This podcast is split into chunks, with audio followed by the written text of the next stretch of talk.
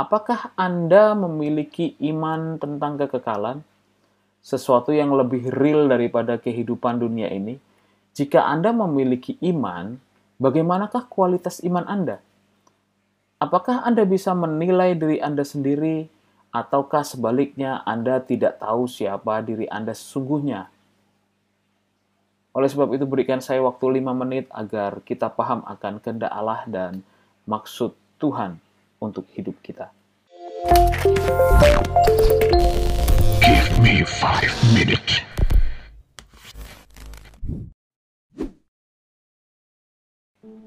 Apa itu kualitas? Kualitas adalah penilaian terhadap sesuatu, baik atau buruk, atau sesuatu yang memberikan kesan tertentu sehingga memicu munculnya sebuah nilai. Cara bicara bagus, makanannya ini tidak enak, barang ini istimewa, produknya jelek, dan lain sebagainya.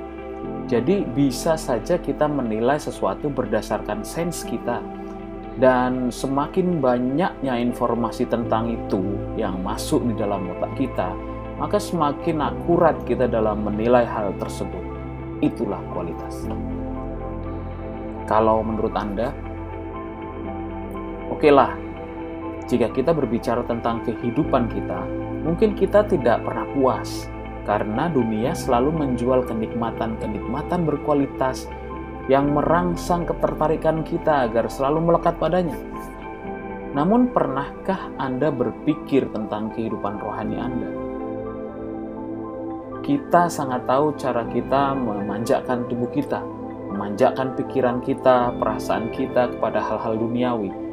Saya boleh bilang begitu ya, karena ini urusannya sama keinginan.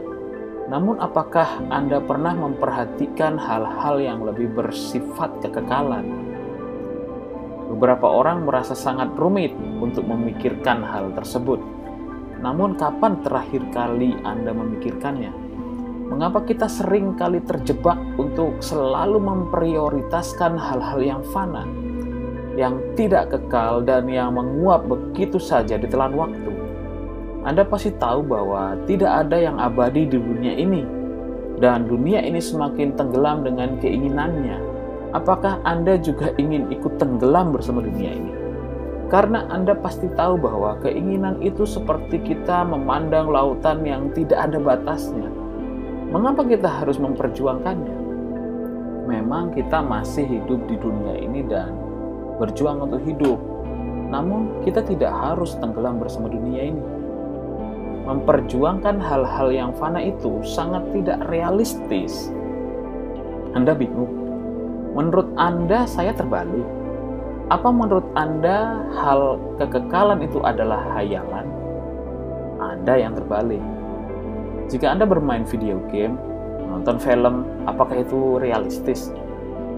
Tentu tidak. Anda pasti tahu. Kenapa tidak real?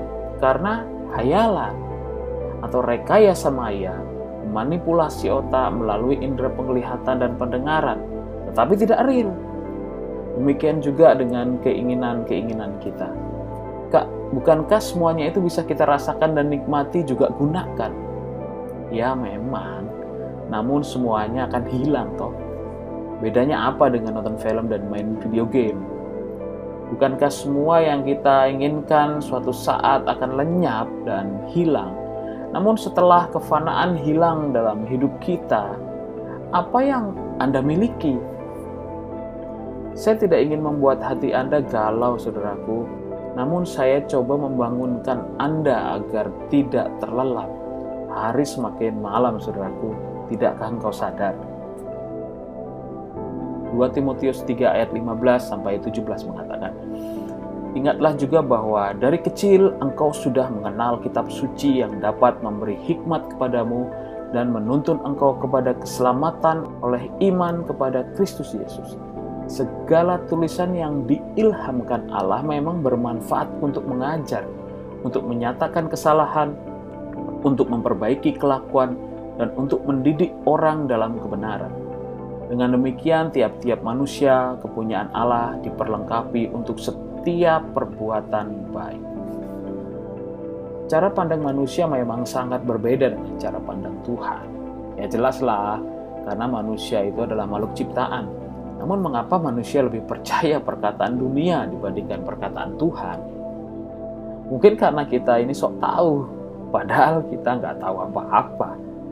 Paulus mengatakan kepada Timotius bahwa kitab suci memberikan hikmat karena berisi firman Tuhan dan menuntun Anda kepada keselamatan oleh iman kepada Kristus Yesus. Ini yang real, saudara. Karena kehidupan oleh iman yang kita perjuangkan bersama dalam Kristus Yesus itu membawa kepada kekekalan. Sedangkan dunia dan keinginan fananya memasukkan kita pada kematian.